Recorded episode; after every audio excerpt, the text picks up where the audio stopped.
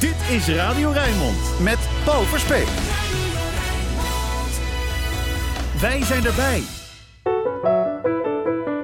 Goedenavond. In kampen in Syrië zitten tientallen Nederlandse vrouwen met hun kinderen. Ze komen uit het kalifaat, maar willen terug naar huis.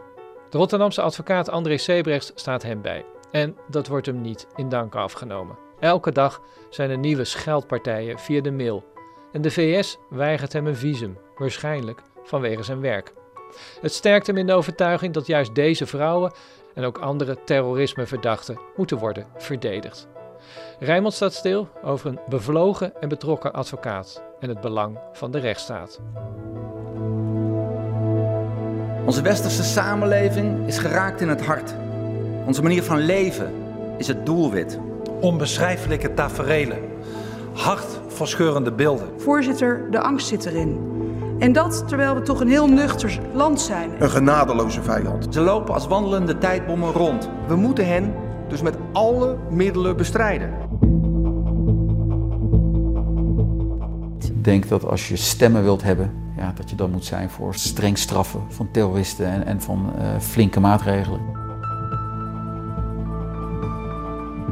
En we hadden in het verleden, mevrouw de voorzitter, iets van 400 grensovergangen in Nederland. Ik stel voor dat we die allemaal opnieuw bemannen. De VVD is bereid vergaande maatregelen te nemen om dit soort extremisme aan te pakken, te bestrijden. Ik zie de zin er niet van in anders dan dat men probeert gerust te stellen. Ik denk dat het een beetje averechts eerder werkt. Realiseer je hoe waardevol onze rechtsstaat is en, en breek hem dus niet af. Politici over terrorisme en het commentaar van André Sebrechts. In de afgelopen jaren heeft hij zich ontwikkeld tot een van de specialisten die terreurverdachten bijstaan. De Rotterdamse advocaat is een graag geziene gast in radio- en tv-programma's. Om te praten over zijn verdachten en de vrouwen en kinderen die uit Syrië naar Nederland zouden moeten terugkomen. Het is een beetje een uh, rare snuiter. Uh, wat er bij hem is aangetroffen. Een heel, heel klein stukje daarvan is jihadistisch. U had gisteren een, uh, een zaak. Um, om, om, een voorbeeld te geven van de problematiek die er is. Hè? Mm -hmm. Het is een, een man die is naar Syrië gegaan en hij zegt: Ik ging er naartoe om mijn broer op te halen. De rechtbank Rotterdam die heeft afgelopen 8 januari bepaald dat de Nederlandse regering zich moet inzetten om een aantal vrouwen terug te halen naar Nederland. En impliciet dus ook hun kinderen. Waarom vindt u dat we ze terug moeten laten komen? Omdat het voor ons veiliger is. Stel ze hebben kwade bedoelingen, kunnen ze beter gecontroleerd terugkomen, vast worden gezet op een terroristenafdeling. Geestelijk beginnen ze het steeds moeilijker te krijgen, de, de uitzichtloosheid en de onzekerheid. Nederlandse vrouwen en kinderen die eerst in het kalifaat van IS zaten, verblijven nu onder slechte omstandigheden in Koerdische kampen in Noord-Syrië. Zeer recent ging advocaat Sebrechts daar zelf kijken, vertelde erover op tv en sindsdien regent het haatmails op zijn kantoor. Hij heeft een stapeltje uitgeprint. Vergassen die kutzooi en net als hun hulpjes, kankermoslims, Adolf heeft de verkeerde vergast. De trein naar Auschwitz moet weer op de rails en alles wat naar IS-moslim en moslimlovers ruikt, erin trappen en vergassen. Desnoods een burgeroorlog. Oprotten met die IS-hoeren. Fuck hun en hun kinderen. Laat ze daar maar wegrotten. Staatsvijand nummer 1 ben je, Sebrechts. Sebrechts is een smerige linkse kankerlul. We willen ze niet. Vuile linkse teringhond. Smerige linkse hond. Sebrechts en saai advocaten. Grote IS-vrienden. We weten nu waar jullie advocatenkantoor voor staat. Dat gaat jullie geen windeieren opleveren. Heel Nederland weet nu waar jullie voor staan. Jullie moeten je ogen uit jullie kop schamen. Wat een mafkees met zijn sandalen in nieuwsuur. Kunnen jullie daar zelf niet zo'n tent neerzetten in dat kamp met Sebrechts en saai erop?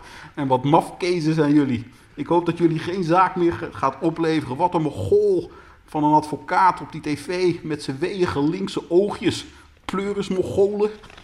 Ja, zo moet je dat een beetje, zo moet je dat een beetje voorstellen. Ja, kleine bloemlezing van wat hier binnenkomt via de mail. Uh, onder eigen naam, dus zou je die mensen kunnen aanklagen of kunnen bellen of uh, op kunnen reageren? Of laat je dit helemaal links, links liggen? Ik laat het bijna altijd uh, links liggen. Ik heb een enkele keer heb ik wel eens iemand uh, teruggemaild of teruggeschreven. Um, Iemand vond dat ik standrechtelijk moest worden geëxecuteerd volgens de oorlogsrecht. dus die mailde ik terug van, joh, oh wat grappig, want dat vinden mijn IS-cliënten ook. Dat dat op die manier zou, uh, zou moeten. Kom dan eens een keertje langs, dan kunnen we eens een keer over uh, praten. Dat schept een band, ja. Ja, toen reageerde nog een beetje geestig. Van, joh, zitten daar zeker vier van die beerbaarden me op te wachten? Ik zeg, nee, nee, ik meen het echt. Kom nou maar, uh, kom maar langs. Maar daar, daar zag hij dan toch zag hij er toch vanaf. Maar over het algemeen laat ik het uh, gewoon. Het ja? het ja? weet je, het is een beetje van deze tijd. Volgens mij. Vroeger, als iemand me wilde uitschelden, dan moesten ze een postzegel gaan kopen en de gouden gids erbij pakken en zo. nu kan, kunnen mensen gewoon meteen beginnen te, te typen en te schelden. Hè? Het, het, gebeurt heel, uh, het gebeurt heel veel. Maar ik, ik heb nog niet gemerkt dat er beveiliging is bij het pand. Het is niet dat je dat zo serieus neemt dat je denkt Jeetje, dadelijk uh, moet ik de deur uit met een, met een uh, bodyguard. Nee, toch, toch niet. Ik weet wel dat mijn secretaresse bijvoorbeeld wel eens wat zenuwachtig is geworden, met name na, na dit soort berichten. En er belt dan iemand aan die geen afspraak heeft. Dan is ze soms wel eens een heel klein beetje zenuwachtig geweest. Maar Nee, tot, tot nu toe hebben we dat niet, uh, hebben we dat niet gedaan. Nee. Je overweegt geen aangifte te doen of, of er een zaak van te maken? Nee, eigenlijk niet. Ik stop daar mijn energie niet, uh, liever niet in. Kijk, wij, wij verdedigen mensen die niet populair zijn. Dat weten we, dat is ons werk en dan hoort dit er een beetje bij. Als het te heftig wordt, dan zou ik dat misschien wel doen. Uh, maar tot nu toe dus, dus niet. Uh, ja. Laat een beetje van ons afglijden. Ja. Ja, toen ik even opzocht uh, het adres uh, op te kijken, waar, waar, zitten jullie ook alweer? Um, ja, dan kom je gewoon op, op Google. En dan kun je ook reviews plaatsen. Ik weet niet of je dat zelfs ook wel eens hebt gedaan. Maar dan, dan, dan lees je bijvoorbeeld van, nou, heel professioneel. Dus je krijgt jullie vier sterren. Maar van recente datum, uh, twee mensen die zeggen landverrader... en de andere is deze idioot is een gevaar voor Nederland. Nou, dat is nog mild vergeleken ja. bij... Ja. Maar het drukt wel het ja. cijfer, want nu sta je op 2,0. Dan kan je zeggen, nou ja, het zal mijn worst wezen. Uh, maar het is natuurlijk vervelend.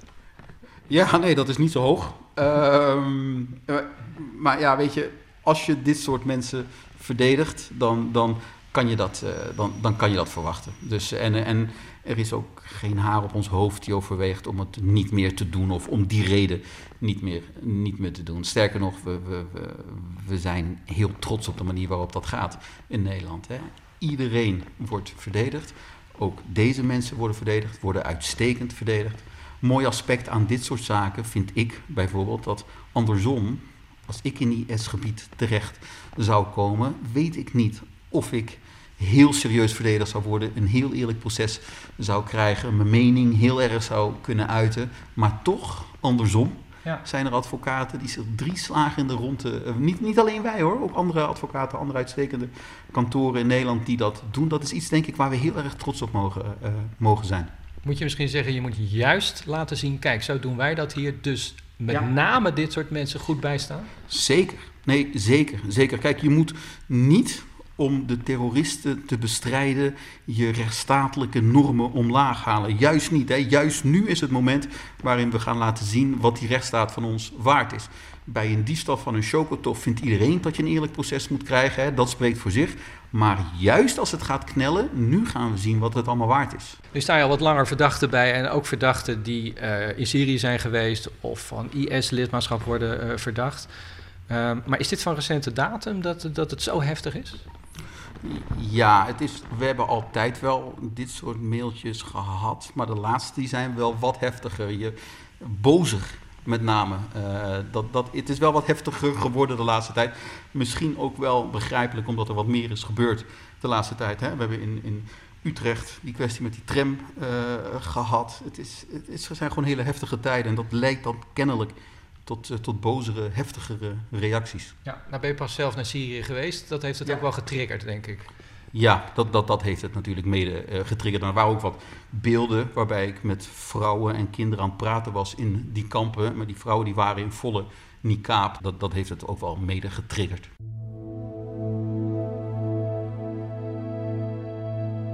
Meer dan 70.000 vrouwen en kinderen zitten er inmiddels in Koerdische kampen in Syrië. Ook tientallen Nederlandse vrouwen die vrijwillig die kant op gingen om zich aan te sluiten bij IS. De spanningen in deze kampen lopen flink op, ook tussen de vrouwen. En daarom proberen zo'n 20 Nederlandse vrouwen met hun kinderen daar nu weg te komen met hulp van hun Nederlandse advocaat. Weten jullie wat jullie te wachten staat als jullie naar Nederland teruggaan?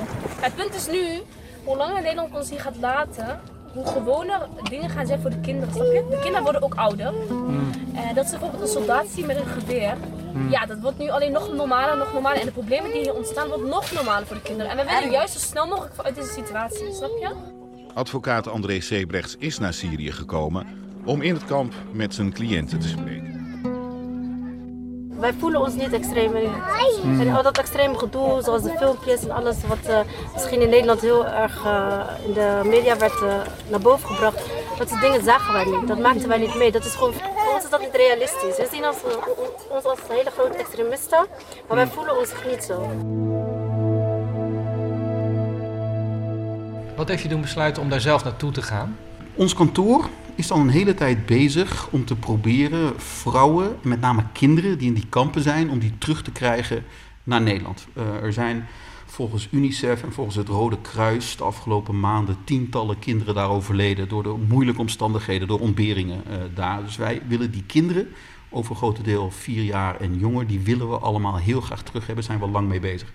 De Nederlandse overheid zegt dat willen we op zich doen, maar het is te gevaarlijk om, dat, om naar dat stukje Syrië te uh, gaan. Dus wij kunnen geen Nederlandse ambtenaren daar naartoe sturen om ze op te halen. Ze nou, moeten het wel, hè? want de rechter heeft dat bevolen. Ja, ja, de rechter heeft gezegd: ga onderhandelen met die Koerden en zeg tegen die Koerden: wij willen die vrouwen in Nederland berechten, dus geef ze aan ons en geef die kinderen ook uh, aan ja. ons. En dan komt de minister terug met: het is eigenlijk te gevaarlijk, wij kunnen dat momenteel niet doen. Nou, wist ik dat er inmiddels veel journalisten naartoe zijn gegaan. Er is een Belgische psycholoog naartoe gegaan met zijn hele team. Ik weet dat er familieleden zijn geweest. Uh, waar ik laatst was, daar was een conferentie met Amerikanen en uh, Oostenrijkers en Fransers. Ik wist dat het niet zo gevaarlijk was. En om dat nog eens een keer te onderstrepen, ben ik er persoonlijk naartoe gegaan.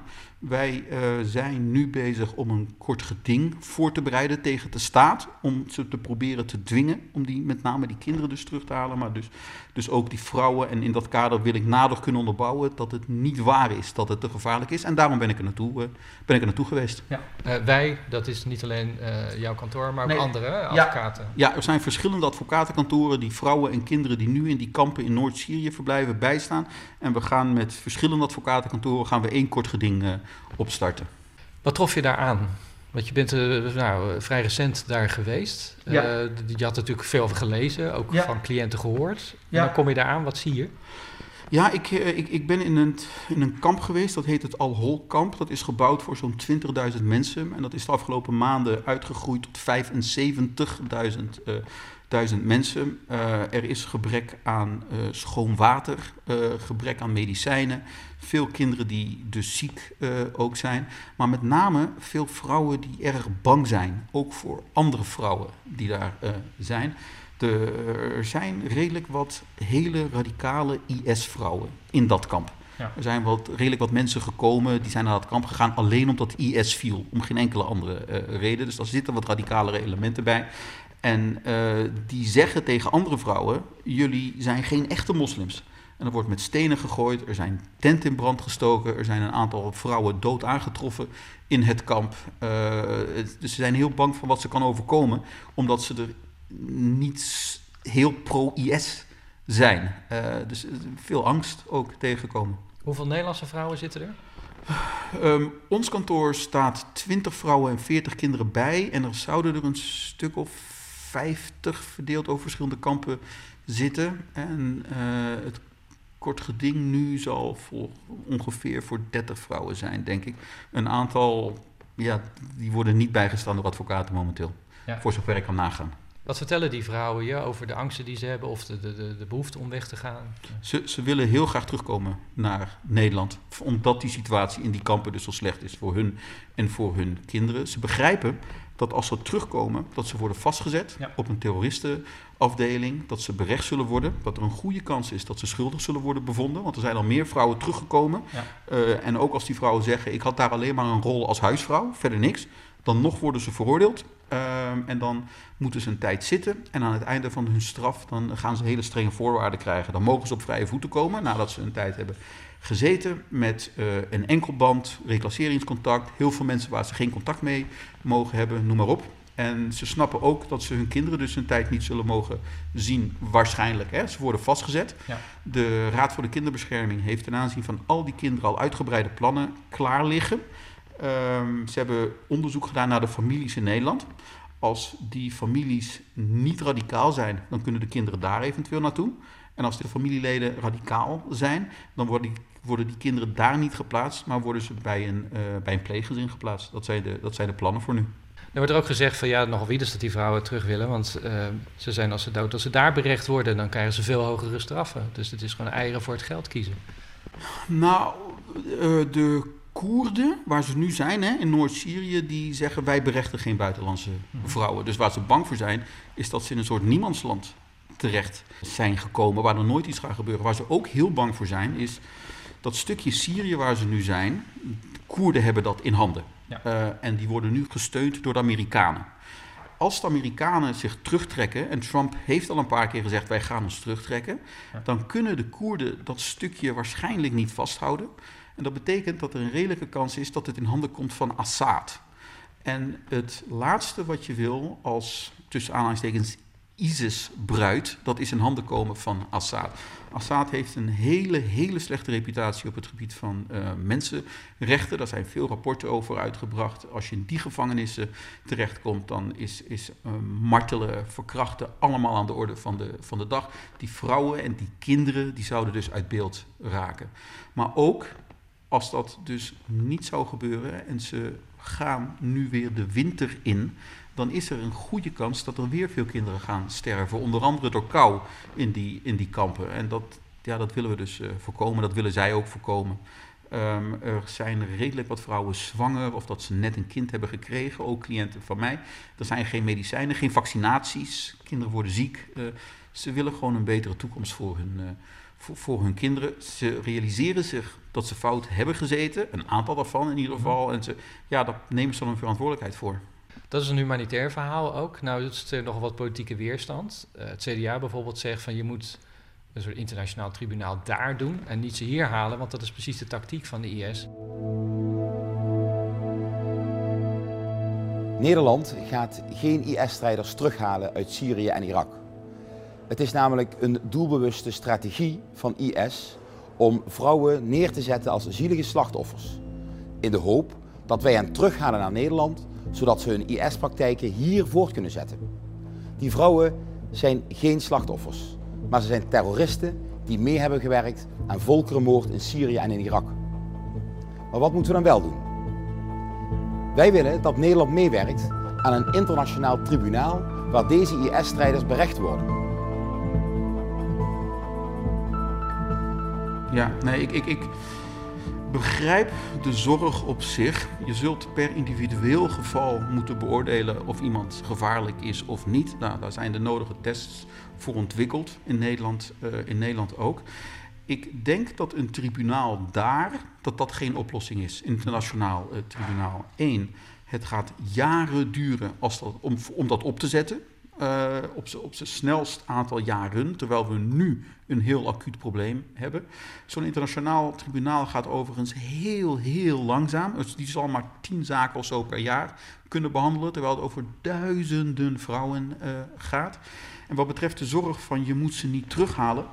Ik, ik denk dat zelfs als je ervan uitgaat dat die vrouwen inderdaad gevaarlijk zijn, of dat die er een aantal tussen zitten die, die gevaarlijk zijn, dan is het misschien nog altijd beter om ze gecontroleerd terug te halen. Mm-hmm. En dus meteen vast te zetten en berechten en hele strenge voorwaarden te geven.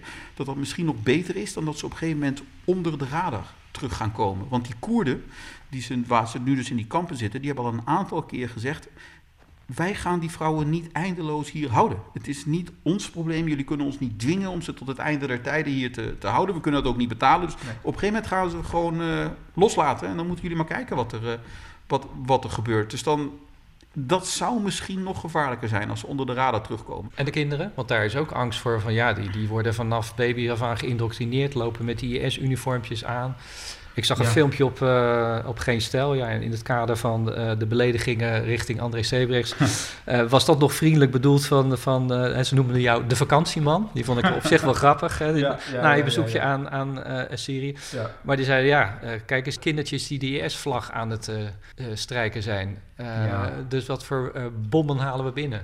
Ja, nee, ten, aanzien van die kinderen sta ik er echt heel anders uh, in. Die, die, die zijn zonder meer slachtoffers. Uh, en ik beschouw ze eerder, als ze dit soort trainingen zouden gehad, als zeg maar kindsoldaten, waarvan iedereen het over eens is dat die slachtoffers zijn, dat die moeten worden uh, geholpen. Die kinderen die kunnen nog bij lange na niet worden uh, afgeschreven. Het overgrote deel is vier jaar of jonger. Maar ook als ze ouder zijn, dan moeten ze hier in hulpverleningstrajecten uh, terechtkomen. En die zijn er en ze kunnen ook worden geholpen. Het gaat er bij mij volstrekt, volstrekt niet in dat we van kinderen nu al zouden zeggen...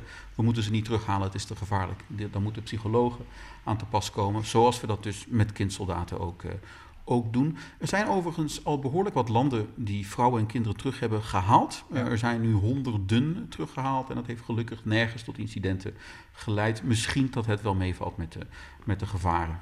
Ja. Maar heb je daar wel inmiddels een beeld van uit de strafzaken die je hebt gedaan? Wat is nou de reden om daar naartoe te gaan? Wat voor voorstellingen hadden ze van, van wat ze daar zouden aantreffen? Dat is heel verschillend. Uh, je ziet redelijk wat vrouwen uit wat ik zal noemen zeg maar zwakke milieus.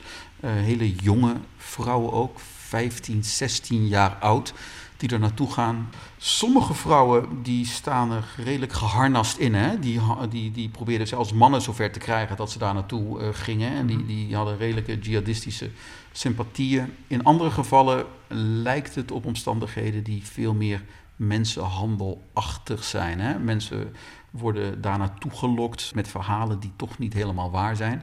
Die vrouwen, jonge meisjes, die komen daar dan in een, een soort tehuis, huis waar alleen maar vrouwen zijn.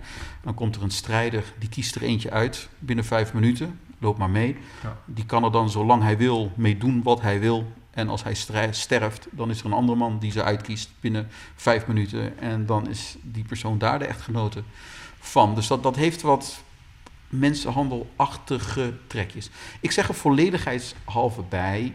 Iedereen die terugkomt, die zegt: Ik was daar alleen maar een huisvrouw, ik deed helemaal niks, uh, niks verkeerd. Dat is natuurlijk niet de waarheid. Dat, dat kan haast niet. Er zijn daar verschrikkelijke dingen gebeurd en daar zullen best mensen bij betrokken zijn uh, geweest. Misschien ook vrouwen die daarbij uh, waren. Maar we zullen per geval moeten bekijken tegen wie er bewijs is. En die personen die moeten dan dus de zwaardere straffen gaan, gaan krijgen. Ja. Ben je nou, om je te verdiepen in de achtergronden en, en het voorbereiden van de strafzaak, ook, ook heel veel filmpjes gaan bekijken? Ben je de Koran gaan lezen? Ben je een soort halve moslimdeskundige geworden? Moet ik me zo voorstellen, want dit, dit is wel de bulk van wat je tegenwoordig doet. Um, nou, het is in ieder geval hetgeen het meest in het nieuws is. En dan zou je de indruk kunnen krijgen dat dat het enige is wat... Je doet ook uh, die chocotof-diefstalletjes. Uh, ook chocotof-diefstallen en, en een gewone moord en een gewone drugzaak. Uh, maar dit, dit, dit heeft, krijgt zoveel meer aandacht dat je inderdaad zou denken dat het enige is wat ik, wat ik doe. Die filmpjes, daar heb ik er veel meer van gezien dan me lief is. Echt ja. veel, veel meer. En dat is, dat is echt walgelijk wat je daar, uh, wat je daar ziet. Um, daarover krijg ik dan ook niet zo goed contact met de cliënt, wat daar nou de aantrekkelijkheid in is. Dat, dat, dat ben je natuurlijk wel nieuwsgierig. En de Koran lezen, doe je dat dan bijvoorbeeld om dingen te snappen? Ik, ik heb er eentje gekocht en uh, ik, ik ben eraan begonnen. Maar dat kon mij ook niet zo bekoren. Nee, dat is ook. Ik, ik ben een atheïst. Ik was natuurlijk wel nieuwsgierig. Wat is daar zo aantrekkelijk aan? Maar het is niet voor mij. Alle lof zijn met Allah en vrede en zegeningen zijn met de profeet Mohammed. Sallallahu alayhi wa sallam. Sta op. Sta op. Zie hier hoe jullie broeders zijn aangevallen door Amerika en door haar bondgenoten. Alhamdulillah rabbil alamin. Hoe ben je hier dan zo in verzeild geraakt in uh, het bijstaan van uh, IS-verdachten, maar daarvoor ook potentiële terroristen? Ja, dat is eigenlijk redelijk toevallig uh, gegaan. Ik had een aantal jaren geleden piketdienst, zoals dat heet. Dan ben je de advocaat die die dag dienst heeft. En mensen die worden aangehouden, die worden die dag door jou uh, bijgestaan. Ja. En uh, ik had een aantal mensen bijgestaan. Ik weet nog precies, want mijn vrouw was ziek. Die was een beetje chagrijnig dat ik desondanks uh, die piketten had. Dat ik beloofde dat ik naar huis ging. En toen kwam er nog eentje die merkwaardig was. Met artikelen die ik niet, niet kende.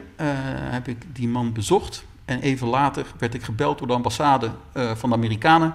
Die wilde op mijn kantoor komen praten. Dat was dan iemand die de Amerikanen wilden hebben.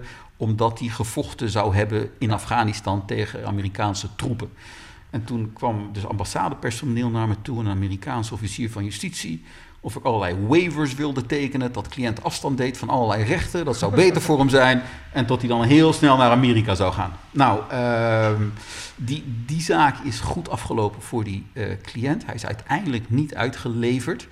Um, die zaak heeft redelijk wat pers gehad. Dat was Sabir, hè? Sabir ja, K. dat was Sabir K inderdaad. En zo ben ik er een beetje ingerold. En toen op een gegeven moment werd ik dus steeds meer benaderd door uh, vrouwen in die kampen die dus voor hun kinderen weg wilden. Uh, daar, ja, van het een kwam een beetje het ander. Oké, okay, Sabirka kwam uit uh, de piketdienst. Ja. dus je was een tussen aanstekens gewoon strafrechtadvocaat. Ja. het kwam op je pad. Het is niet ja. dat je ook een soort ideaal had van dat wil ik gaan doen, die wil ik bijstaan. wat, wat, wat we in het begin nee. over hadden van juist dit soort mensen moet je uh, bijstaan om te laten zien wat de Nederlandse rechtsstaat inhoudt. Nee, nee, maar dat is op een gegeven moment wel gekomen. Kijk, voor advocaten zijn dit hele interessante uh, zaken. Hele interessante zaken.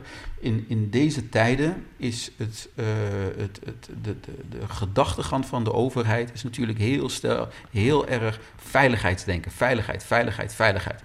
En er zijn niet zoveel mensen die roepen ja, maar de waarborgen voor de verdachte, dat is ook heel belangrijk. En de rechtsstatelijke waarde. En het is heel belangrijk dat ook dat geluid wordt, uh, wordt gehoord momenteel. Kijk, AIVD-informatie van de geheime dienst, ja. die wordt steeds meer gebruikt in strafzaken. En advocaten kunnen dat niet controleren hoe dat tot stand is gekomen. En dan zegt de rechter van ja, dat is niet aan ons. Dat is de Tweede Kamer die dat moet uh, controleren.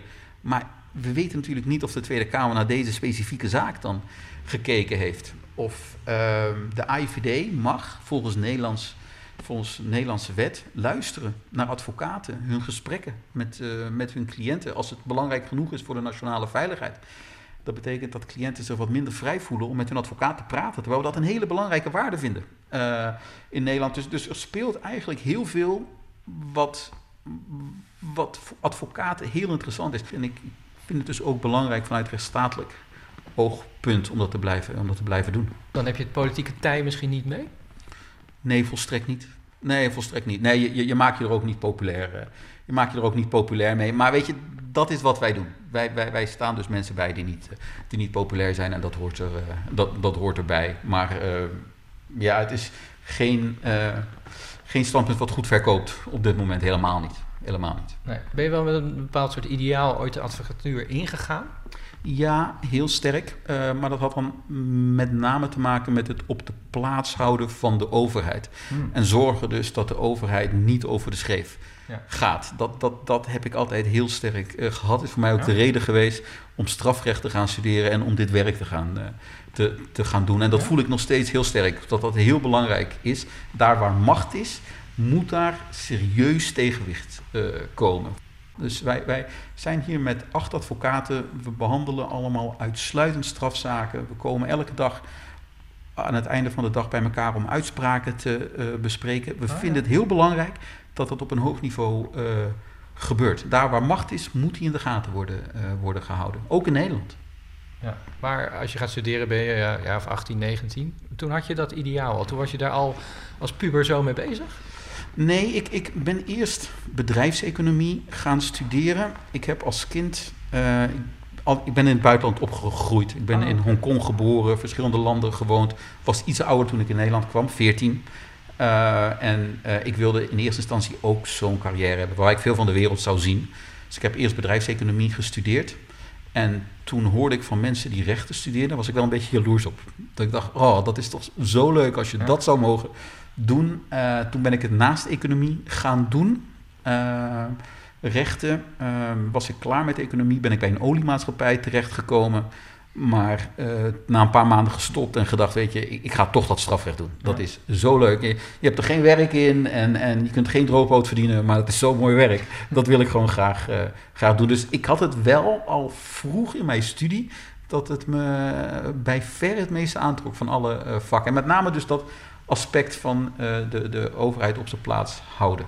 Zat het in jou of had je dat van je ouders opvoeding meegekregen?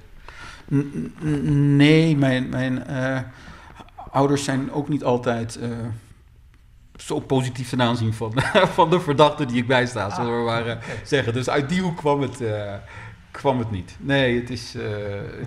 ik, nee, dat, niet uit die hoek. Nee, nee. nee. okay. Op verjaardagen gaat het er niet over, dus.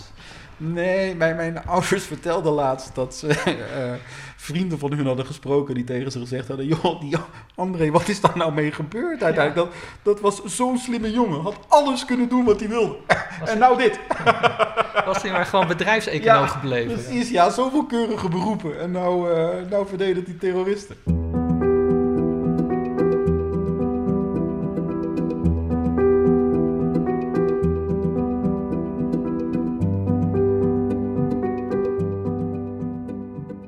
Ik moet ineens nog aan een andere zaak denken, uh, van wat langer terug. Jérôme C. Oh ja.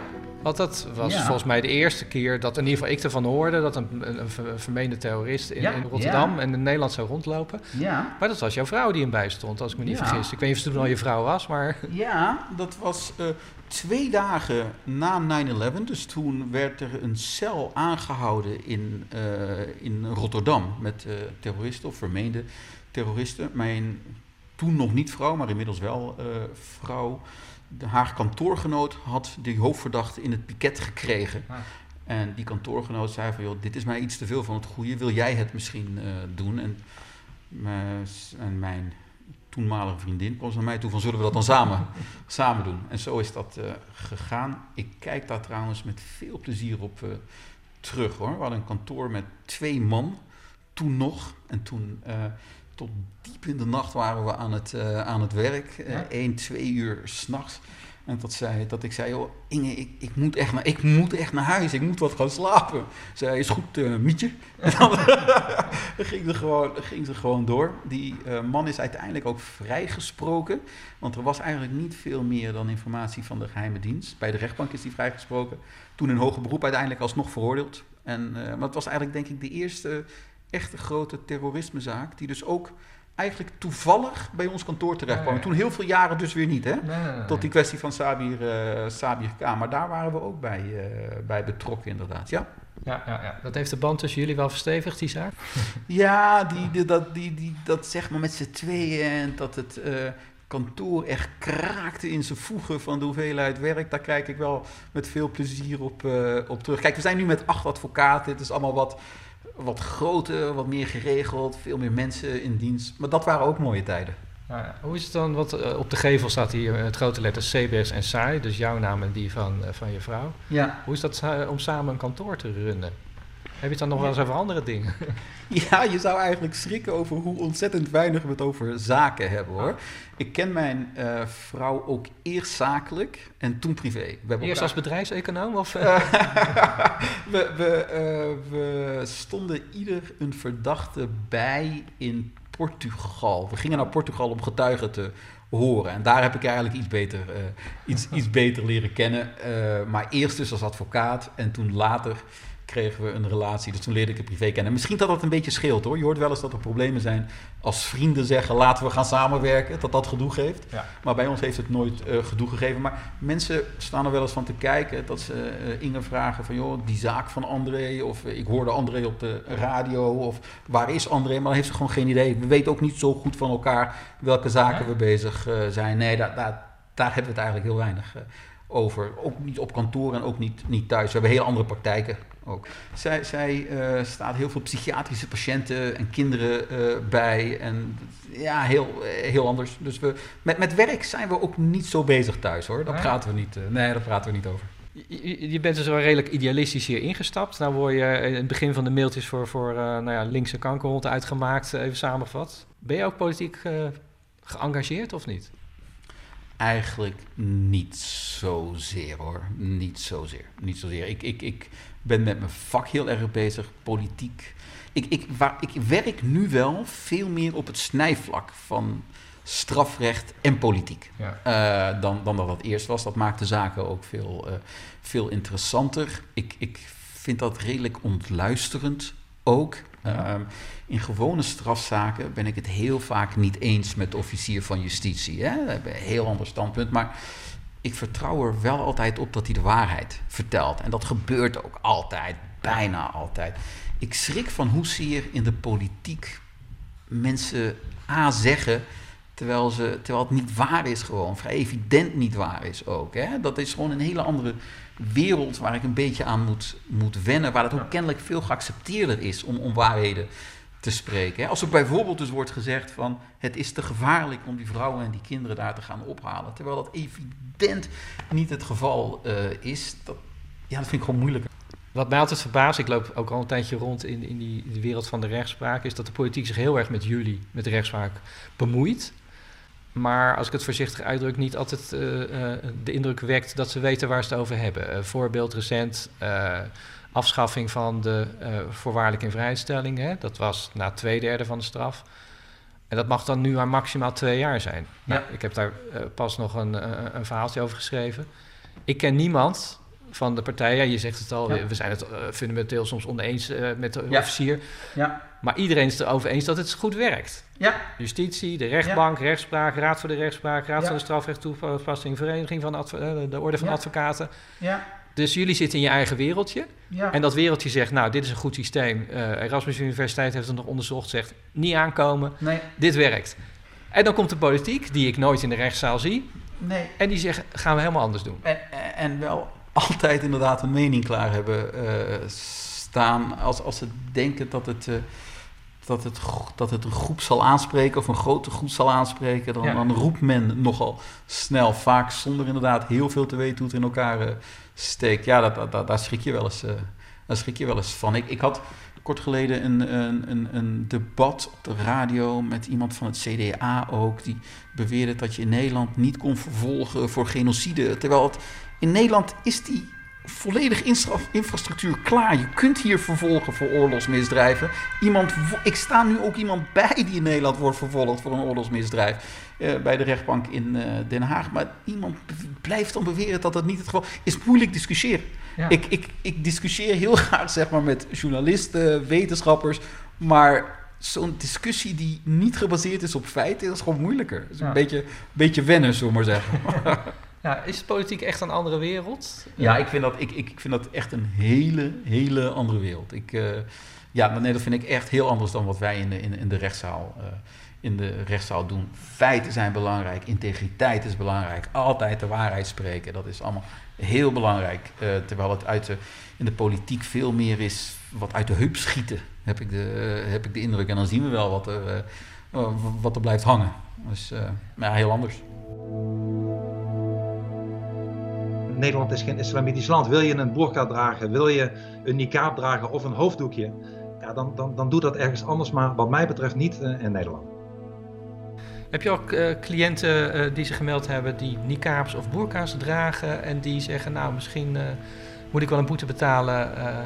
meneer Sebrechts, kunt u me bijstaan? Ja, nee, daar ben ik over gebeld. Daar Ja? kan ik nog niet zoveel over zeggen, maar daar ben ik al over gebeld inderdaad. Van, joh, hoe zit dat nou? eh, Want je zit nu goed in, die, in dat circuit, zal ik maar zeggen. Ja, nee, maar goed, zo, zo werkt het inderdaad wel een klein beetje. Mensen kennen op een gegeven moment je naam en als ze dit soort vragen hebben. En ook, ook dat zijn natuurlijk wel interessante vragen voor, eh, voor, voor advocaten. Ehm, Maar het is, ik, als- ik noem het ook, want het is ook weer een voorbeeld van, dit komt echt uit de koker weer van de politiek. Ja. Dit komt niet uit het strafrecht. Nee, helemaal niet. Nee, helemaal niet. Hè. Die, die, die paar vrouwen die dat doen, eh, dat is... eh, nee, het, het lijkt mij volkomen overbodig en, en symboolpolitiek eigenlijk. Hè. Er is, ik denk niet dat daar zo'n knelpunt is, eh, maar de politiek wil het om, om, omwille van het symbool. Ja. Maar toen je in Syrië was, eh, in dat, eh, dat kamp, Ja. heb je er waarschijnlijk wel wat meer gezien dan hier in Rotterdam. Ja, en, en kijk, wat ik bijvoorbeeld weet, er zijn verschillende van die kampen in Syrië. Hè. Dat ene kamp, dat, dat, dat is wat minder gevaarlijk en er zijn wat minder radicale vrouwen. En dus die vrouwen die kunnen als ze willen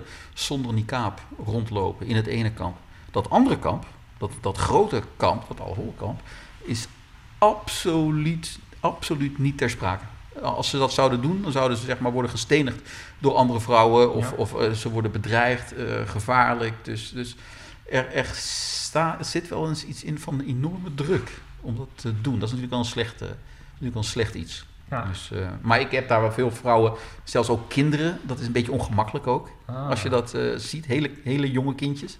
Met, met die kaaps ook uh, rondlopen. Ik weet dus ook niet of dat die moeder dat wilde. Of dat ze zich onder druk gezet voelde door anderen om het, om het te doen. Maar voor ons is dat heel ongemakkelijk. Ik vond het heel ongemakkelijk in ieder geval. Ja. Maar dan zie je dat, dat een niqab of een burka associëren met IS is niet zo'n gekke gedachte.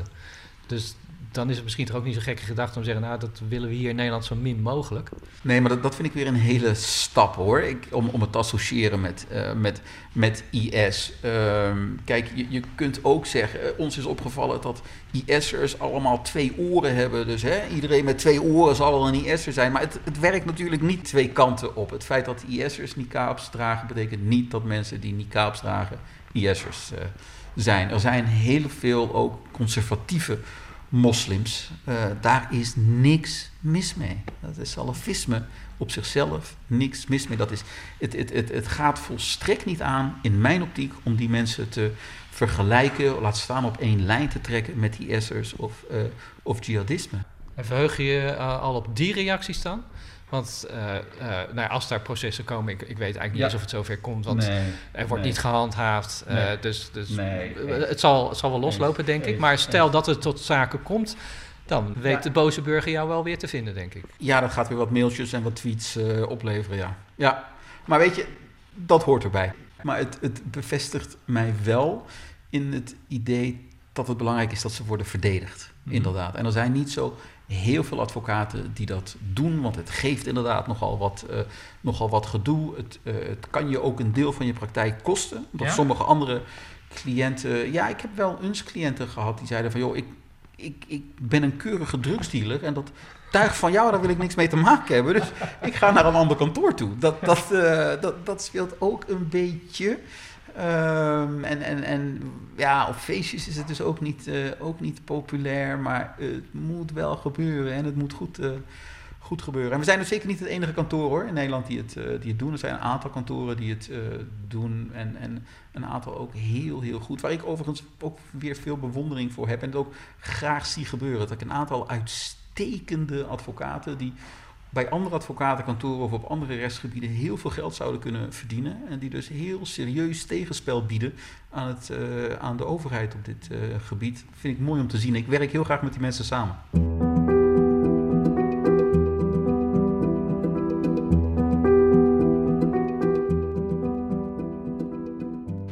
Andere idealen nog, behalve dan nu deze mensen bijstaan? Ja, ik, ik blijf denk ik wel strafrechtadvocaat nog wel een hele tijd hoor. Een beetje bij gebrek aan andere talenten ook. Ja, en als ik dit niet doe, dan, dan, dan zijn we bezig. Dan ben ik bezig met kinderen en belangen met kinderen. We, we, ons, ons kantoor heeft bijvoorbeeld in uh, Oeganda, in Kampala, een, een uh, tehuis voor uh, straatkinderen. We hebben daar een pand, we hebben een sociaal werker, we hebben een leraar en we hebben een kok. En daar komen zo'n 50 kinderen elke dag om hun wonden te laten verzorgen en eten te, uh, eten te krijgen. Um, de, de, kinderen gaan mij en mijn vrouw gewoon heel erg aan het, uh, aan het hart. En dat, dat, het zal altijd wel een beetje in die hoek blijven. En daar, daar, zijn jullie ook regelmatig naartoe geweest, naar Oeganda, om te kijken hoe het daar gaat? We zijn er één keer zijn we er geweest. Uh, een beetje ook vanuit het idee van, het is heel duur om daar naartoe te gaan ook. Dus als we het geld hebben, dan geven we dat liever aan, uh, hè, aan, aan, aan, de, aan, aan, onze stichting daar, dan dat we het gebruiken om veel te reizen. Maar je moet het natuurlijk wel een keer persoonlijk gezien hebben. Dus we zijn er, uh, we zijn er met z'n tweeën zijn, zijn we daar geweest om dat om dat te zien. En um, als het dan heel goed gaat met die kinderen, gebeurt niet zo vaak hoor. Dan gaan ze door naar een andere stichting waar ze ook s'nachts kunnen blijven. Bij ons is het een soort allereerste, uh, allereerste opvang voor overdag. ehm, dat ze wat te eten hebben en dus dat die wonden worden, worden verzorgd. Dat uh, kwam omdat we een keer een uitzending zagen van De Reunie. Ken je dat programma nog? Uh, er was iemand die werkte daar en toen zag je allemaal van die beelden van die kinderen die op straat leven. En ook als een soort welpjes bij elkaar liggen op straat te slapen. Een beetje de leeftijd van onze kinderen ook. Dan denk je ook, zo horen kinderen niet te leven. Hè? Zo hoort, dat, dat hoort gewoon. Dat is niet goed. Dat is niet goed. En, uh, en dat is dus ook een beetje het gevoel wat ik heb nu met die kinderen in, in die kampen. Wat ze hebben gezien, wat ze hebben meegemaakt, hoe ze nu leven, dat hoort gewoon niet. Dus ze moeten, een, ze moeten ook een kans, een kans krijgen. Ja. Dat een beetje. Ja, je bent wel echt een deugdmens, hè? Ah, oh, wat erg. Ja. nee, nee, helemaal niet. Maar eh, absoluut niet. Maar ik, ik vind sommige dingen wel belangrijk. En, en met name ook dat men opkomt voor kinderen die in moeilijke situaties zijn gekomen. Dat, dat raakt mij wel. Dat, dat, uh, dus, dus, dus dat. Ja, ja, want ik las ook in de reacties van ja, het is, het is gewoon een verdienmodel voor die advocaat dat die, die vrouwen en die oh. kinderen uit Syrië wil halen. Maar ja. Oeganda is geen verdienmodel, want dat kost helemaal, je geld. Nee, helemaal niet. En uh, het terughalen van uh, die kinderen, daar zitten honderden onbetaalde uren bij. Daar moeten we wel eens om, om giechelen op uh, kantoor. Dat er wordt gezegd, joh, jij zit daar gewoon geld te verdienen. Maar daar, daar betaalt de overheid niet voor. als er op een gegeven moment een kort geding komt dan zal er misschien wel iets betaald worden. Maar dan moet je denken aan tientjes per uur, ja. ruwweg. Waar we dus niet het kantoor van draaiende kunnen houden. Maar wat we tot nu toe hebben gedaan, dat hele voortraject, daar wordt niet voor betaald. Al zitten, dat, dat is echt vrijwilligerswerk. En dat is omdat we het belangrijk vinden dat dit uh, gebeurt. Dat, dat, omdat we het belangrijk vinden voor die, uh, voor die kinderen. Dus nee, een, een, een verdienmodel, dat is het zeker. Dat is het zeker niet hoor. Ja, je moet echt letterlijk aan honderden uren onbetaald werk uh, denken. En, en dat doen we graag. Maar een verdienmodel is het niet. Nee, heb je dan niet de behoefte om dat uit te leggen aan mensen? Of denk nou, ja, ik ga gewoon mijn werk doen en zoek het maar uit? Nee, het is, ja, weet je, het is dat we het nu toevallig bespreken aan het eind. Maar het is niet zo belangrijk. En je moet ook een beetje voorzichtig zijn met dat je jezelf daarvoor op de borst klopt. Het, het, weet je, het, ja, die kinderen die hebben problemen en er moet worden gekeken of ze kunnen worden geholpen. En dat, en, en dat is het. Dankjewel. Oké, okay, graag gedaan. André Sebrechts, advocaat uit Rotterdam. Wilt u het interview terugluisteren? Ga dan naar rijmond.nl of de podcast. Nog een prettige avond.